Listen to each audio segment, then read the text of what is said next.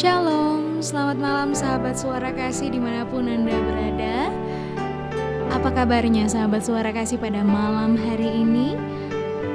Puji Tuhan, saya yakin dan percaya Semua sahabat suara kasih dalam keadaan yang sehat, penuh sukacita dan damai sejahtera ya tentunya. Sahabat suara kasih, bagi yang telah pulang kerja, selamat menikmati istirahat. Jangan lupa sebelum beristirahat, jangan lupa untuk berdoa dan kiranya mendengarkan siaran pada malam hari ini. Juga bagi sahabat suara kasih yang mungkin masih di dalam pekerjaan, shift malam kiranya Tuhan Yesus senantiasa menyertai, menjagai di dalam pekerjaannya malam hari ini supaya bisa berjalan dengan lancar ya sahabat suara kasih dan untuk sahabat suara kasih yang sedang dalam perjalanan mungkin Hati-hati di jalan, tetap jaga kecepatannya, safety selalu. Tuhan Yesus memberkati.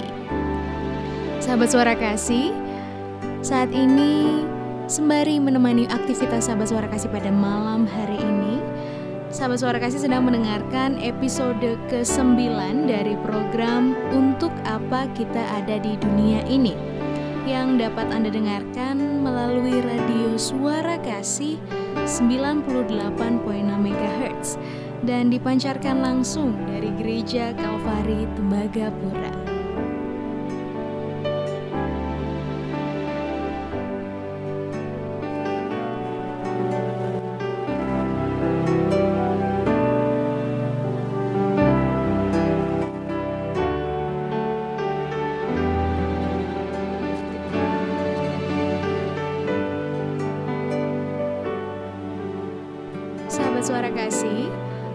Episode ke-9 pada malam hari ini bacaan kita berjudul Apakah yang membuat Tuhan tersenyum?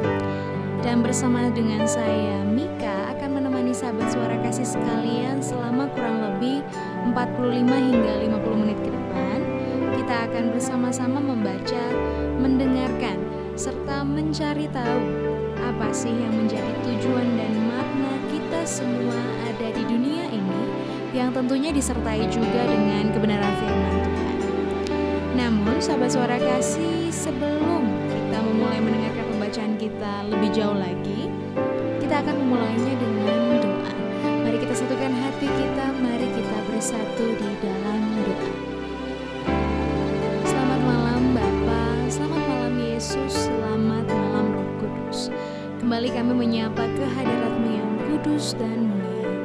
Kami mengucap syukur Tuhan atas segala penyertaan dan pemeliharaan Tuhan sepanjang hari ini. Terkhusus pada saat ini kami akan mendengarkan sebagian kebenaran Daripada itu semua Tuhan kami memohon ampun atas segala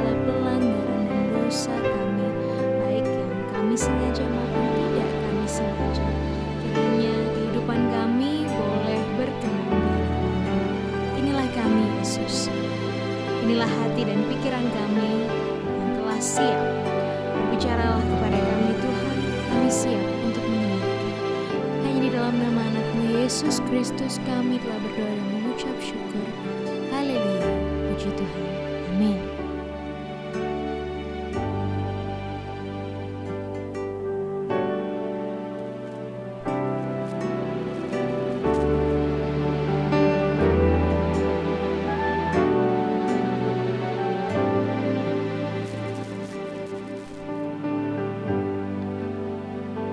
Sahabat suara kasih, sesuai dengan judul bacaan kita pada malam hari ini, kita mau sama-sama belajar nih memaknai kehidupan kita dan mengetahui bagaimana cara yang dapat membuat Tuhan tersenyum. Namun sebelum kita mendengarkan pembacaan ini lebih jauh lagi, kita akan mendengarkan satu buah pujian nih dari sari yang berjudul Bagimu Pujian. Selamat mendengarkan.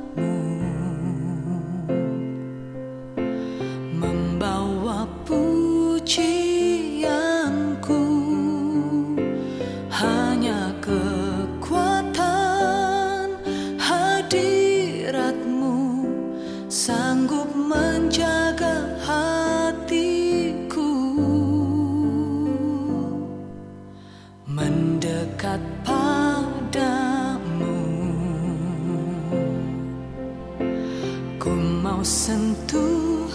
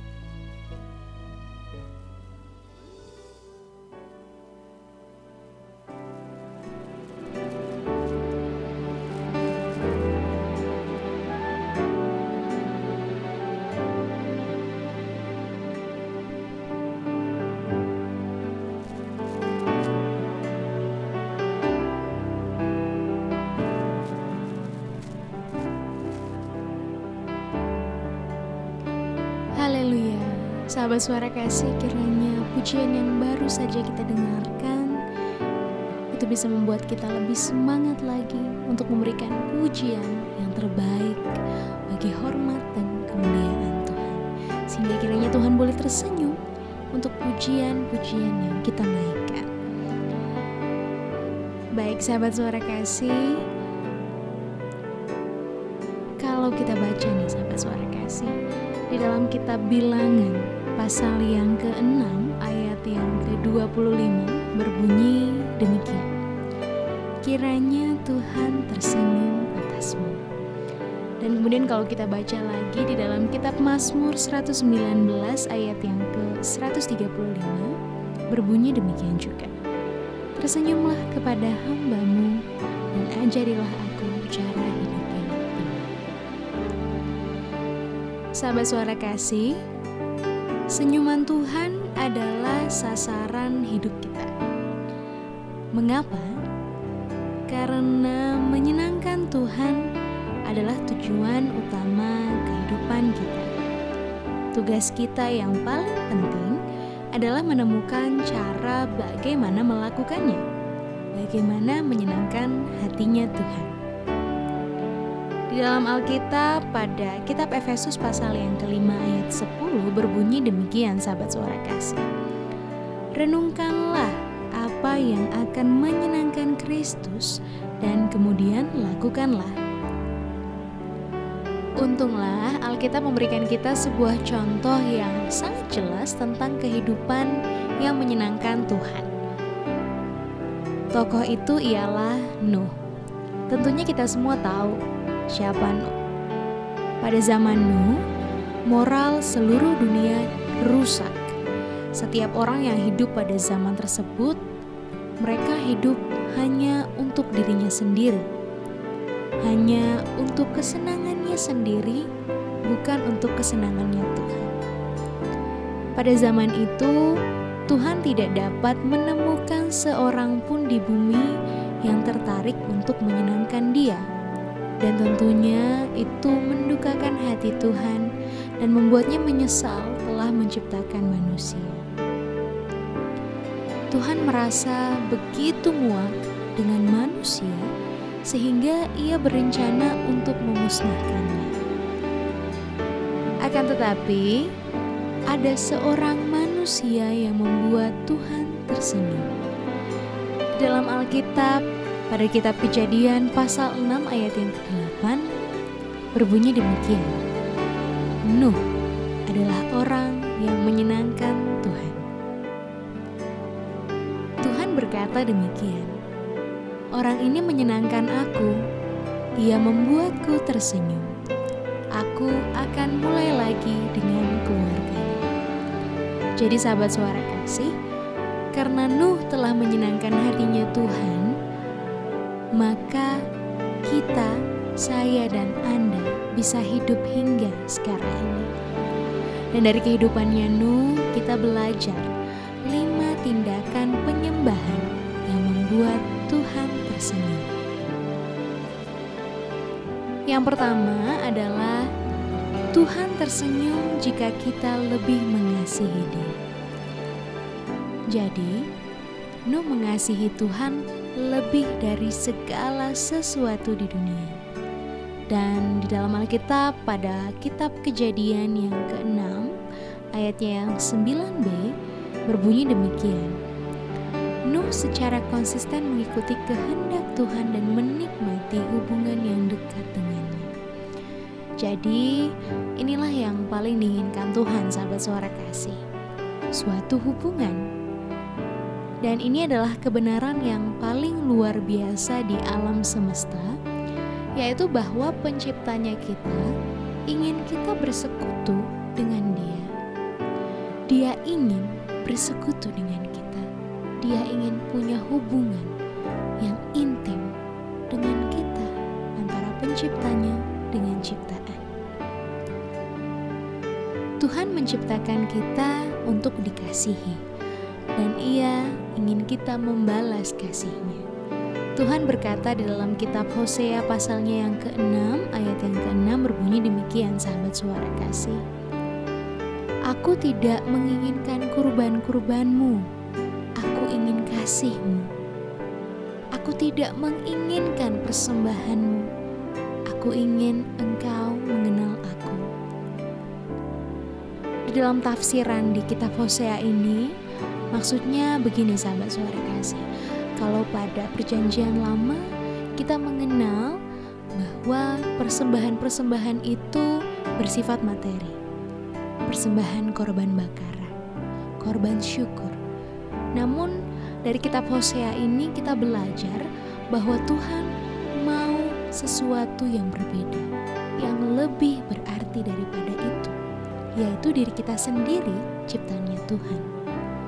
Tuhan mau kita memberikan diri kita untuk melayaninya, untuk membuat Tuhan tersenyum atas sikap, tingkah laku, perilaku yang kita lakukan ketika kita hidup di dunia ini. Jadi sahabat suara kasih, dapatkah kita merasakan gairahnya Tuhan untuk kita dari ayat tersebut? Tuhan sangat jelas bahwa Dia ingin mengasihi kita dan ingin kita membalas kasihnya. Dan Tuhan ingin kita mengenalnya dan menyediakan waktu untuk Tuhan. Maka dari itu, itulah pentingnya mengapa kita harus belajar untuk mengasihi dan dikasihi Tuhan seharusnya menjadi tujuan terbesar dalam kehidupan kita. Tidak ada yang lebih penting daripada itu, sahabat suara kasih. Dan Yesus menyebutnya sebagai hukum yang terutama. Tuhan berkata di dalam kitab Matius pasal yang ke-22 ayatnya yang ke-37 hingga ayatnya yang ke-38 demikian bunyinya. Kasihilah Tuhan Allahmu dengan segenap hatimu dan dengan segenap jiwamu dan dengan seluruh akal budimu. Inilah perintah yang pertama dan terbesar. Kemudian yang berikutnya nih sahabat suara kasih, Tuhan tersenyum jika kita percaya sepenuhnya kepadanya. Alasan yang kedua yang membuat Nuh berkenan bagi Tuhan adalah karena ia percaya kepada Tuhan. Sekalipun itu tidak masuk akal. Alkitab berkata demikian. Dengan iman, Nuh membuat bahtera di tengah daratan kering. Ia diperingatkan tentang sesuatu yang tidak dapat dilihatnya dan melakukan apa yang diperintahkan. Nuh menjadi akrab dengan Tuhan. Coba bayangkan nih, sahabat suara kasih. Pada suatu hari, Tuhan datang kepada Nuh dan berkata, Aku kecewa dengan umat manusia. Di seluruh dunia, hanya engkaulah yang memikirkan aku. Tetapi ketika aku melihatmu, aku mulai tersenyum. Aku senang dengan cara hidupmu. Jadi, aku akan membanjiri dunia dan memulai yang baru dengan keluargamu. Aku ingin engkau membuat kapal raksasa yang akan menyelamatkanmu dan binatang-binatang. Nah, sahabat suara kasih, sebenarnya ada tiga masalah yang mungkin saja dapat membuat Nuh ragu. Yang pertama nih, Nuh tidak pernah melihat hujan. Sebelum terjadi banjir, Tuhan mengairi bumi dari dasarnya ke atas. Kemudian yang kedua nih sahabat suara kasih, Nuh itu tinggal ratusan mil dari laut yang paling dekat. Walaupun ia dapat belajar membangun sebuah kapal, logikanya bagaimanakah ia akan membawanya ke air? Dan yang ketiga, ada masalah di dalam mengumpulkan dan memelihara binatang-binatang. Akan tetapi, dari ketiga hal yang dapat membuat Nuh ragu, Nuh sama sekali tidak mengeluh ataupun mencari alasan. atau excuse apa pun untuk menghindari perintahnya Tuhan. Dia sepenuhnya percaya kepada Tuhan, dan hal itulah yang membuat Tuhan tersenyum. Mungkin sahabat suara kasih, sebagai manusia, kita akan berpikir, apa sih maunya Tuhan? Orang kering kok di tempat tinggalnya saya, kok Tuhan minta untuk dibikinkan bahtera yang besar? Dan kita sebagai manusia, kalau kita berpikir secara logika dan berpikir secara nalurinya manusia, tentunya kita akan menolak perintah Tuhan. Akan tetapi sahabat suara kasih, kita ini adalah anak-anak Allah. Dan kita juga sudah mengaku bahwa kita percaya kepada Tuhan, maka sudah sepatutnya kita mencontoh sikapnya Nuh terlepas dari segala keraguan-raguan, kemustahilan, ketidakmasuk akalan, perintahnya Tuhan, tapi tetap Nuh lakukan.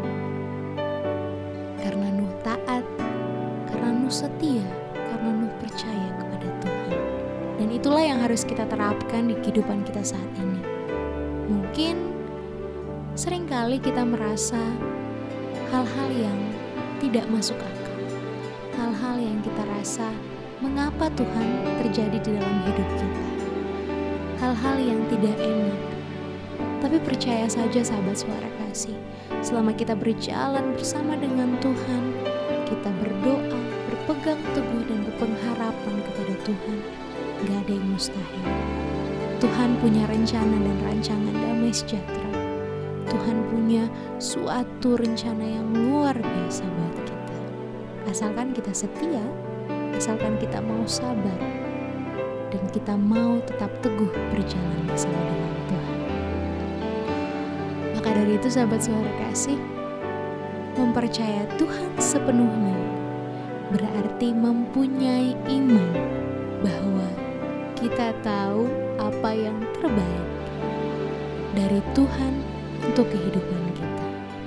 Dan kita berharap bahwa Tuhan menepati janji-janjinya dan juga membantu menyelesaikan masalah-masalah yang kita hadapi serta melakukan hal-hal yang bahkan mungkin mustahil kalau perlu sahabat suara kasih.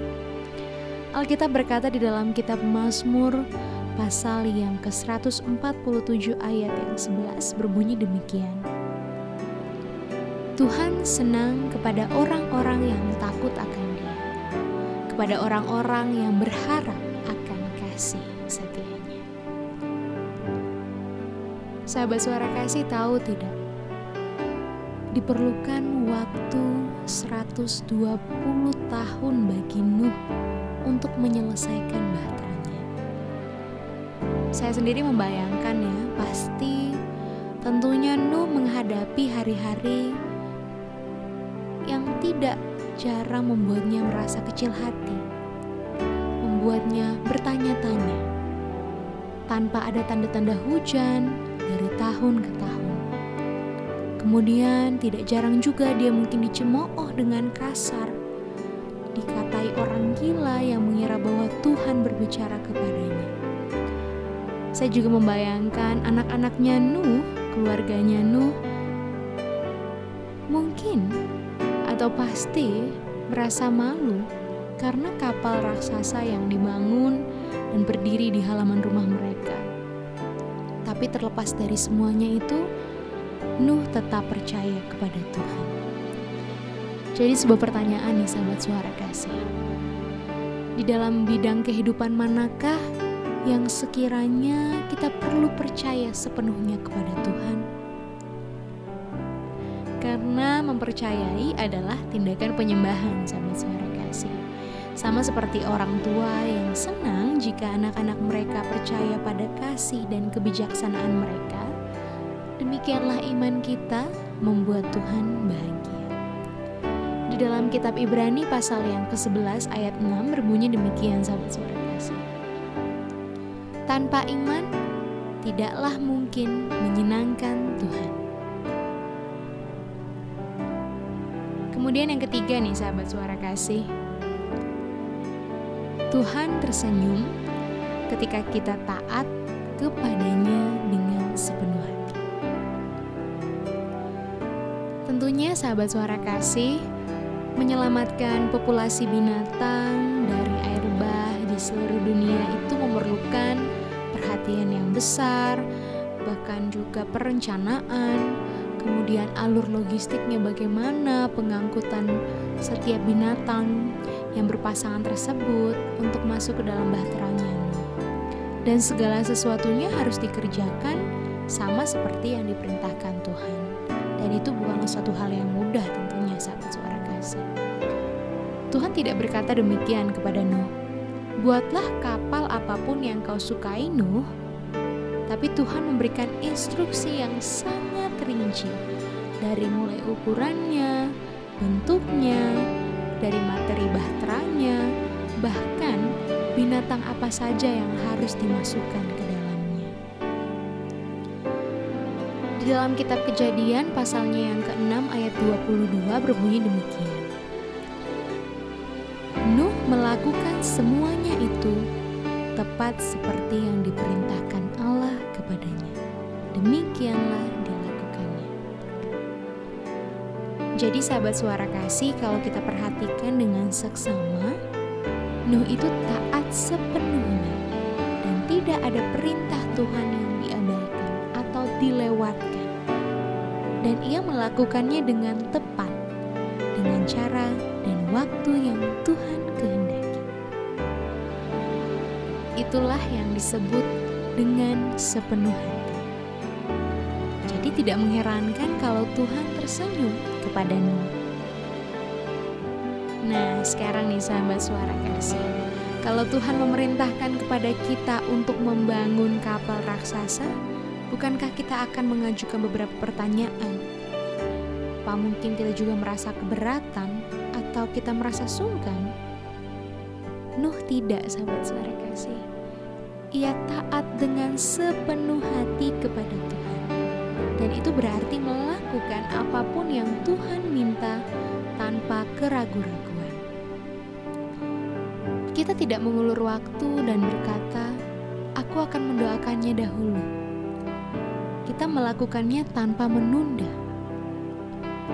Dan setiap orang tua tahu bahwa ketaatan yang tertunda itu adalah suatu ketidaktaatan.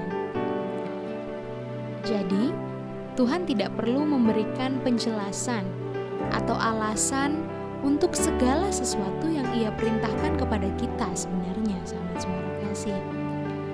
Pengertian dapat menunggu, tetapi ketaatan tidak.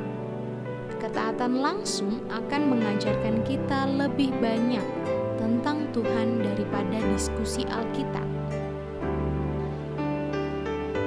Bahkan, kita tidak akan mengerti beberapa perintah kecuali kita menaatinya terlebih dahulu. Jadi, ketaatan membuka pengertian.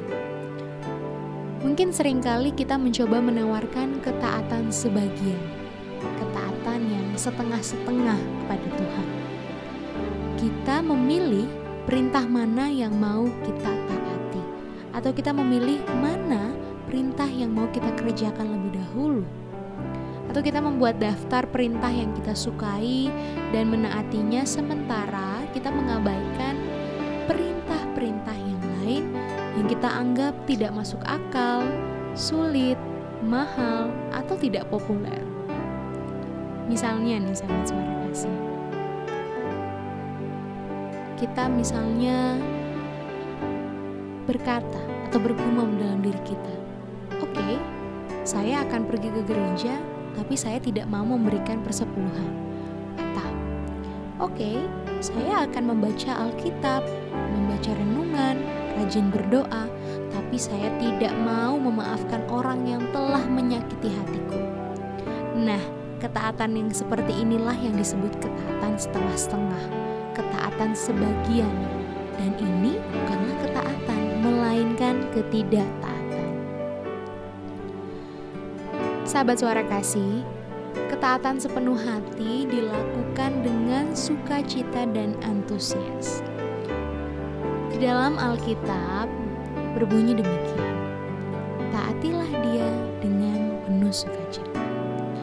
Dan ini adalah salah satu contoh sikap dari Daud juga.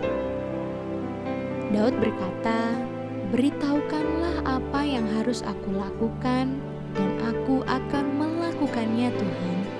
Sepanjang hidupku, aku akan menaatimu dengan sepenuh hati."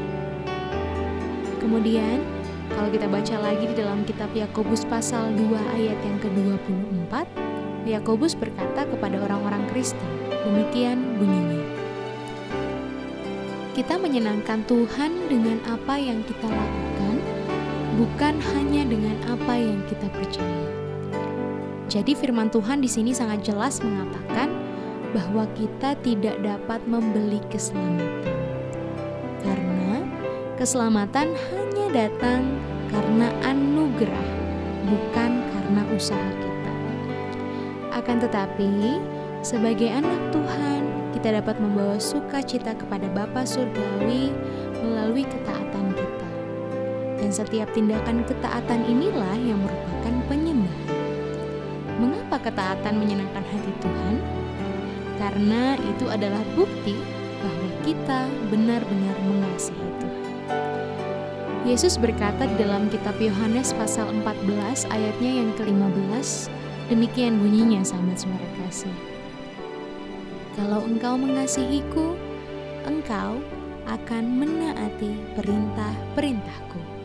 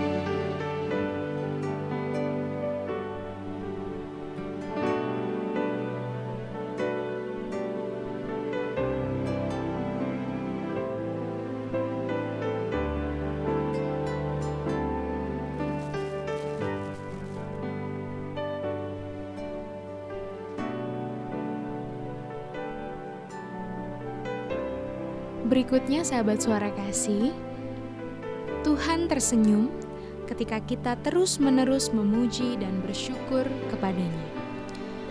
Jadi, tidak ada hal yang lebih baik dari menerima pujian dan penghargaan yang tulus dari orang lain.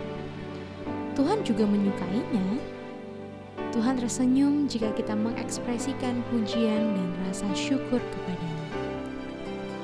Kehidupan Nuh membawa kesukaan untuk Tuhan karena ia hidup dengan hati yang memuji dan penuh rasa syukur. Tindakan Nuh pertama setelah bertahan dalam air bah adalah menyatakan rasa syukurnya kepada Tuhan dengan mempersembahkan kurban. Di dalam Alkitab, kejadian pasalnya yang ke-8 ayat 20 berbunyi demikian. Lalu Nuh mendirikan mesbah bagi Tuhan dari segala binatang yang tidak haram dan dari segala burung yang tidak haram diambilnya lah beberapa ekor. Lalu ia mempersembahkan kurban bakaran di atas mesbah itu. Karena pengorbanan Yesus, kita tidak lagi mempersembahkan kurban binatang seperti ini. Akan tetapi, kita diperintahkan untuk mempersembahkan kepada Tuhan kurban pujian dan kurban syukur. Jadi kita memuji Tuhan karena Ia adalah Tuhan dan kita bersyukur kepada Tuhan untuk apa yang telah Ia lakukan. Daud berkata, "Aku akan memuji-muji nama Allah dengan nyanyian, mengagungkan Dia dengan nyanyian syukur." Suatu hal yang mengagumkan terjadi ketika kita mempersembahkan pujian dan syukur kepada Tuhan. Ketika kita menyenangkan hati Tuhan, maka hati kita dipenuhi dengan sukacita. Kemudian, sahabat suara kasih, penyembahan itu juga bekerja dua arah. Kita menikmati apa yang telah Tuhan lakukan untuk kita, dan ketika kita mengekspresikan kesukaan kepada Tuhan, itu yang membuatnya bersuka cita. Tetapi itu juga meningkatkan sukacita kita. Pada kitab Mazmur pasal 68 ayat yang keempat berkata demikian. Tetapi orang-orang benar bersuka cita, mereka beria-ria di hadapan Allah, bergembira dan bersuka cita.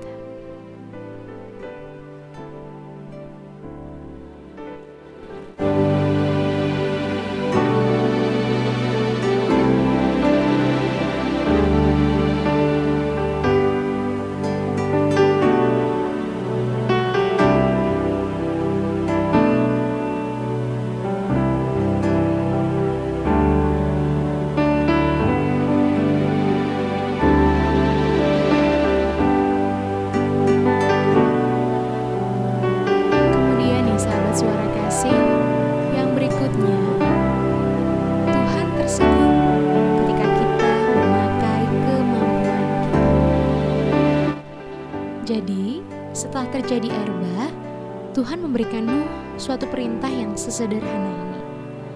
Beranak cuculah dan bertambah banyaklah serta penuhilah bumi. Segala yang bergerak, yang hidup akan menjadi makananmu. Aku telah memberikan semuanya itu kepadamu, seperti juga tumbuh-tumbuhan hijau. Jadi Tuhan berkata kepadamu, Nuh, sudah saatnya engkau melanjutkan hidup dan lakukanlah hal-hal yang aku rancang untuk dilakukan manusia. Mungkin kita merasa bahwa satu-satunya saat Tuhan disenangkan adalah ketika kita melakukan kegiatan rohani, misalnya seperti membaca kitab, pergi ke gereja, berdoa, atau bersaksi. Atau mungkin saja kita berpikir bahwa Tuhan tidak peduli dengan sisi lain dari kehidupan kita. Sebenarnya, Tuhan suka melihat setiap rinci kehidupan kita, sahabat suara kasih. Baik ketika kita bekerja, ketika kita bermain, beristirahat, atau makan, Tuhan suka semuanya itu. Tuhan tidak kehilangan satu gerakan pun dari apa yang kita lakukan. Karena dalam Alkitab juga berkata bahwa Tuhan menetapkan langkah-langkah orang ia menyukai setiap rincian kehidupan mereka. Jadi sahabat suara kasih, setiap kegiatan manusia, kecuali dosa, dapat dilakukan untuk menyenangkan hatinya Tuhan kalau kita melakukannya dengan sikap memuji dan menyembah. Misalnya kita mencuci piring, memperbaiki suatu mesin, menjual produk, menulis suatu program, bercocok tanam atau bertani, atau ketika kita membangun keluarga, Dan ketika kita melakukan semuanya itu untuk kemuliaan Tuhan, di situlah kita menyenangkan Tuhan. Seperti halnya orang tua yang bangga, maka Tuhan sangat senang melihat kita memakai segala talenta dan kemampuan yang kita miliki untuk kemuliaan Tuhan. Dan sengaja Tuhan memberikan kita talenta yang berbeda-beda untuk kesenangannya. Menciptakan sebagian orang untuk menjadi sosok yang atletis dan ada juga yang lainnya analitis. Barangkali kita mempunyai berbagai talenta, baik di dalam akademik maupun musik atau berbagai ribuan keterampilan lainnya. Dan semua kemampuan ini dapat mendatangkan senyuman di wajah Tuhan ketika kita melakukannya dengan baik. Dan dalam Alkitab juga berkata bahwa Dia yang membentuk hati mereka sekalian, yang memerhatikan segala pekerjaan mereka. Jadi sahabat suara kasih, kita tidak menyenangkan atau mendatangkan kemuliaan bagi Tuhan ketika kita menyembunyikan kemampuan kita atau dengan mencoba menjadi orang lain. Kita bisa membuat Tuhan senang hanya ketika kita menjadi diri kita sendiri. Maka, ketika kita tidak menjadi diri kita sendiri, kita sedang menolak hikmat berkata di dalam kitab Yesaya pasal 45 ayat yang ke-9, demikian bunyinya. Celakalah orang yang berbantah dengan pembentuknya, ia tidak lain dari beling periuk saja Adakah tanah liat berkata kepada pembentuknya, apakah yang kamu buat? Jadi sahabat suara kasih, Tuhan juga senang ketika kita menikmati ciptaannya Tuhan. Tuhan senang ketika kita memberi mata kita untuk menikmati keindahan, telinga untuk menikmati suara, hidung dan lidah untuk menikmati bau dan rasa, dan saraf-saraf di bawah kulit kita untuk menikmati sentuhan. Setiap tindakan yang menikmati adalah tindakan menyembah ketika kita melakukannya sebagai tanda terima kasih syukur kita kepada Tuhan itu. Kalau kita baca di dalam kitab 1 Timotius pasal yang ke-6 ayat 17 berbunyi demikian. Di dalam kekayaannya memberikan kepada kita segala sesuatu untuk dinikmati. Jadi, Tuhan tidak menunggu kita untuk mencapai kedewasaan untuk menyukai kita. Maksudnya Tuhan gak nunggu kita besar dulu baru kita Tuhan menyukai kita. Tuhan sudah mengasihi kita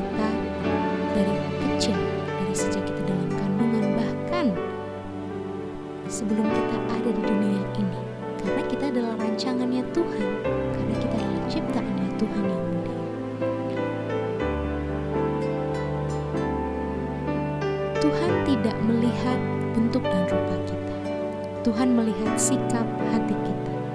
Apakah kita menyenangkan hatinya atau kita malah mendukakan hatinya Tuhan. Dan inilah sasaran hidupnya kita. Kalau kita belajar dari Rasul Paulus, Rasul Paulus berkata demikian. Sebab itu juga kami berusaha, baik kami diam di dalam tubuh ini maupun kami diam di luarnya, supaya kami berkenan kepadanya. Jadi sahabat suara kasih, ketika kita hidup di dalam terang kekekalan, fokus kita akan berubah menjadi berapa banyakkah kesenangan yang Tuhan dapatkan dari hidupku, bukan berapa banyakkah kesenangan yang aku dapatkan dari hidup. Nah, Tuhan sedang mencari orang-orang yang seperti Nuh di dalam abad-abad sekarang ini, yaitu orang-orang yang kita berkata di dalam kitab Mazmur pasal yang ke-14 ayat 2 berbunyi demikian. Tuhan memandang ke bawah dari surga kepada anak-anak manusia untuk melihat apakah ada yang berakal budi dan yang mencari Jadi satu pertanyaan untuk kita renungkan pada malam hari ini bersama-sama. Maukah kita mempunyai tujuan hidup menyenangkan hatinya Tuhan? Mari kita renungkan bersama-sama ya sahabat suara kasih karena tidak ada yang dapat Tuhan lakukan bagi orang yang sepenuhnya tidak menyerahkan hidup untuk tujuan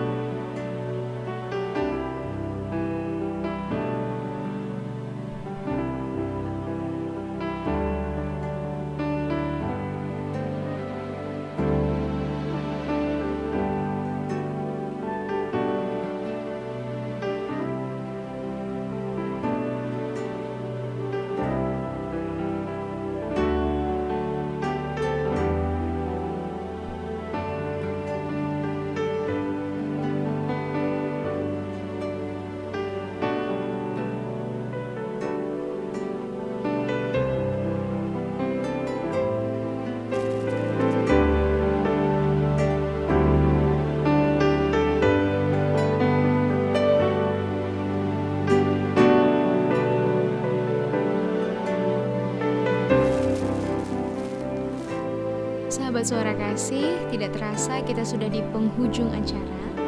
Maka untuk mengakhiri siaran kita pada hari ini kita akan menutupnya dengan doa. Mari kita bersatu di dalam doa.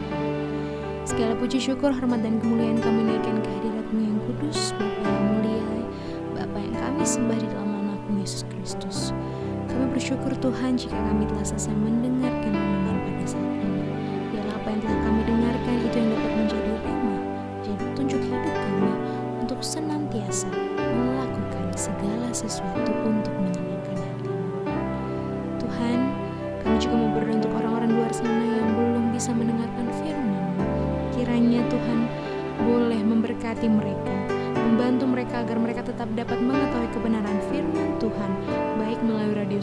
Kasih maupun melalui berbagai media lainnya, sehingga nama Tuhan boleh semakin ditinggikan. Tuhan yang baik, kami percaya bahwa hidup kami selalu di dalam pemeliharaan dan kendali Tuhan. Lawat kami selalu Tuhan, segala kondisi kami,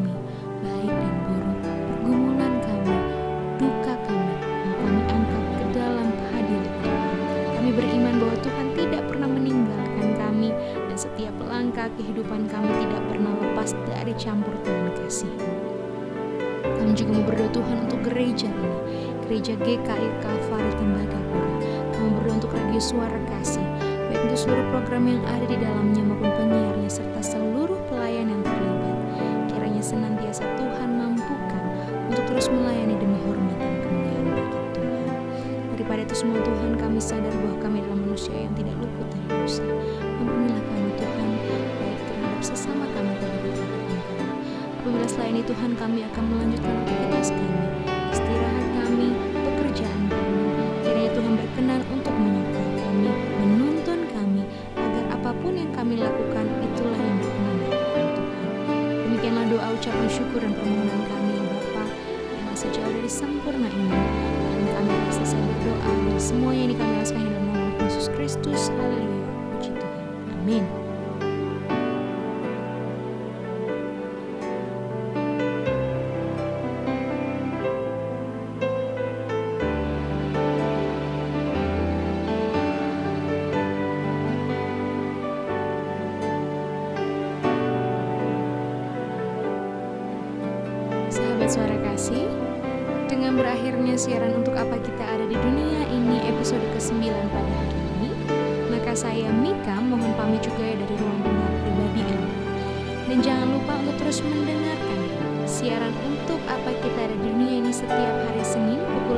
18.30 waktu Indonesia Timur. Di mana lagi kalau bukan di radio kesayangan kita semua radio suara kasih frekuensi 98.6 MHz radio suara kasih pancaran kasih dan terang damaikan hati. Sehat selalu dan sampai jumpa lagi minggu depan. Tuhan Yesus memberkati